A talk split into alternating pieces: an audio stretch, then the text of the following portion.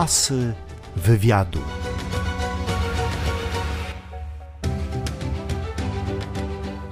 Barbara Fedoniuk, dzień dobry, witam Państwa. Witam również mojego gościa, dzień dobry. Witam serdecznie, Ryszard Wolpach. No właśnie, chciałam się przedstawić, już sam się przedstawiłeś tym swoim pięknym, głębokim głosem, który ja osobiście uwielbiam. Bo ja strasznie lubię mikrofon. Jak ja widzę mikrofon, y, to w ogóle coś się dzieje w moim gardle i umyśle takiego, że ten głos nabiera czegoś wyjątkowego. Głębi takiej, Tak, tak. głębi. A wiesz, że kobiety bardzo cenią w mężczyznach barwę głosu, prawda? Wiem to doskonale. A podrywałeś y, kobiety na głos? Owszem, podrywałem, ale działo się to niestety nieświadomie i poza mną, ale wiele kobiet zwracało właśnie uwagę, że jeżeli się tak fajnie obniży ten głos i trochę ściszy, to coś się dzieje takiego Na dziwnego. pewno piękne słowa popłyną, prawda? No, jeżeli jeszcze udało się zacytować, na przykład zdejmij tę suknię mała, Ryszard Wolbach to e, były członek i współzałożyciel grupy Harlem i grupy Babsztyl. Obydwa zespoły są doskonale znane olsztyńskiej publiczności. Ale zacznę od pytania, pamiętasz swoją pierwszą gitarę? Tak, pamiętam. E, Była to gitara jeszcze marki Defil, albo już marki Defil, bo to było ważne. Gitara troszeczkę nie dostrajała, miała bardzo niewygodny, kwadratowy gryf, ale za to świetnie pływała po jeziorze. Pamiętam, że bardzo długo nie udało się jej potem zatopić. Tak. Zakupiłeś ją sam, e, czy dostałeś w prezencie? Zbierałem przez dwa miesiące butelki, makulaturę, a resztę dorzucili rodzice, bo widzieli już, że to już nie przelewki, że trzeba ten instrument kupić. Tak. O jakich latach mówimy? No mówimy o latach 70. Mhm. Miałeś idoli gitarzystów wówczas?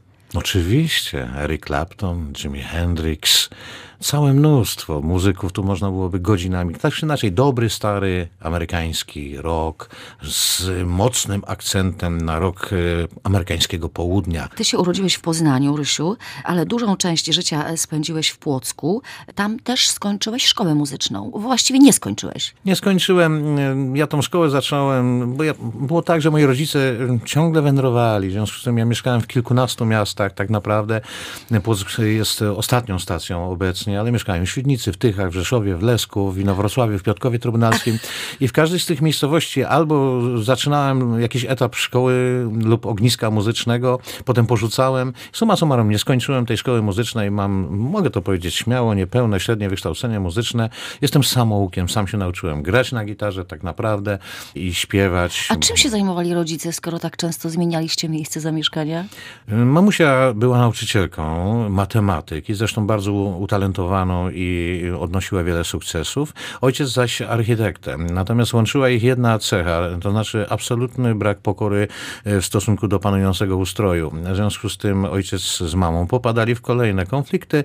E, Wrogowie systemu? no i, i, i system nas wypychał do następnej miejscowości, zapadała 3-4-letnia cisza, poznawałem już fajnych przyjaciół, miałem kumpli, przyjaciółki i właśnie. trzeba było znowu się pakować No i i jak ty, jak ty to znosiłeś, że, że właśnie już zadzierżgnąłeś jakieś więzy przyjaźni i znowu zmiana miejsca zamieszkania? To dla młodego człowieka To chyba było okropne. To okropne. było bardzo bolesne, tym bardziej, że ja się bardzo angażuję. Zawsze się angażowałem. Jak już miałem przyjaciela, to takiego na całe życie.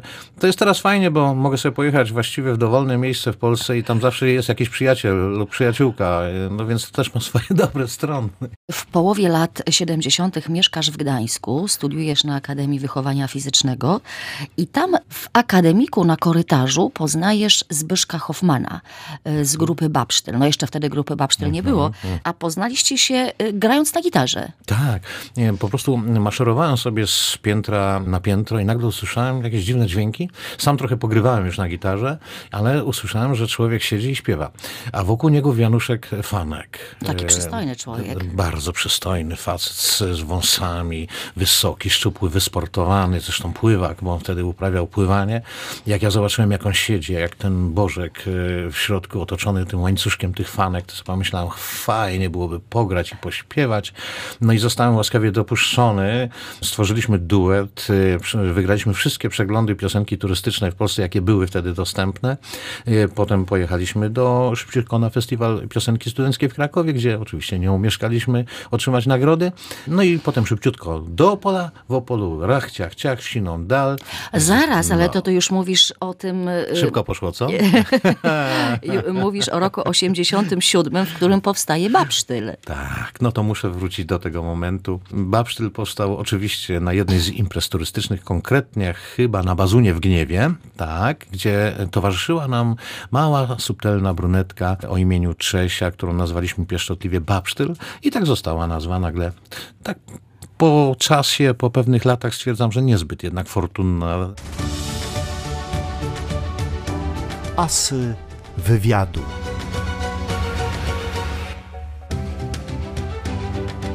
Był czas, że zespół Babsztyl był bardzo popularny, występował w telewizji, występował w drugim programie telewizji polskiej. I ja pamiętam, byłam wówczas dziewczynką i pamiętam taki program. e, Punkt wyście- widzenia? Nie, śpiewaliście kolendy. A, w telewizja łódzka e, zrobiła, zrealizowała nam to.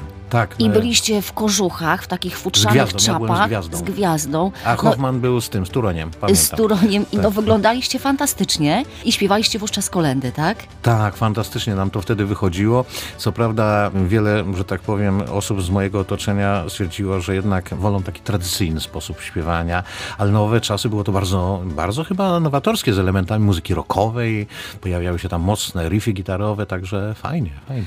W zespole Babsztyr grasz, śpiewasz, podróżujesz, koncertujesz do roku 93 i w 93 postanawiasz zmienić brzmienie na trochę mocniejsze, na dużo mocniejsze. Powstaje rockowa grupa Harlem. Jakie były początki? To wszystko stało się za przyczyną również y, mocnych nacisków naszego kolegi gitarzysty Krzysia Dżawora Jaworskiego, y, który y, razem z Jarkiem Zdankiewiczem zresztą przeszedł prawie bezboleśnie z formacji Babsztyl do Harlem i tam padła decyzja. Gramy, łoimy po prostu mocno. Gramy, Bo śpiewa- zmieniły się czasy, prawda? Trochę się zmieniły czasy, ale i my się zmieniliśmy. My zapragnęliśmy dać siebie trochę więcej. W moim przypadku zaowocowało to tym, że stałem się frontmanem, bo w Babsztylu frontmanem był Zbyszek Hoffman tak naprawdę.